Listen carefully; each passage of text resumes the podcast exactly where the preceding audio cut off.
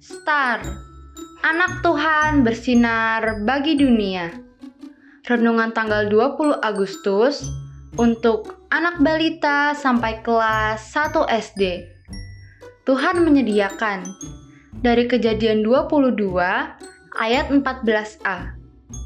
Dan Abraham menamai tempat itu Tuhan menyediakan.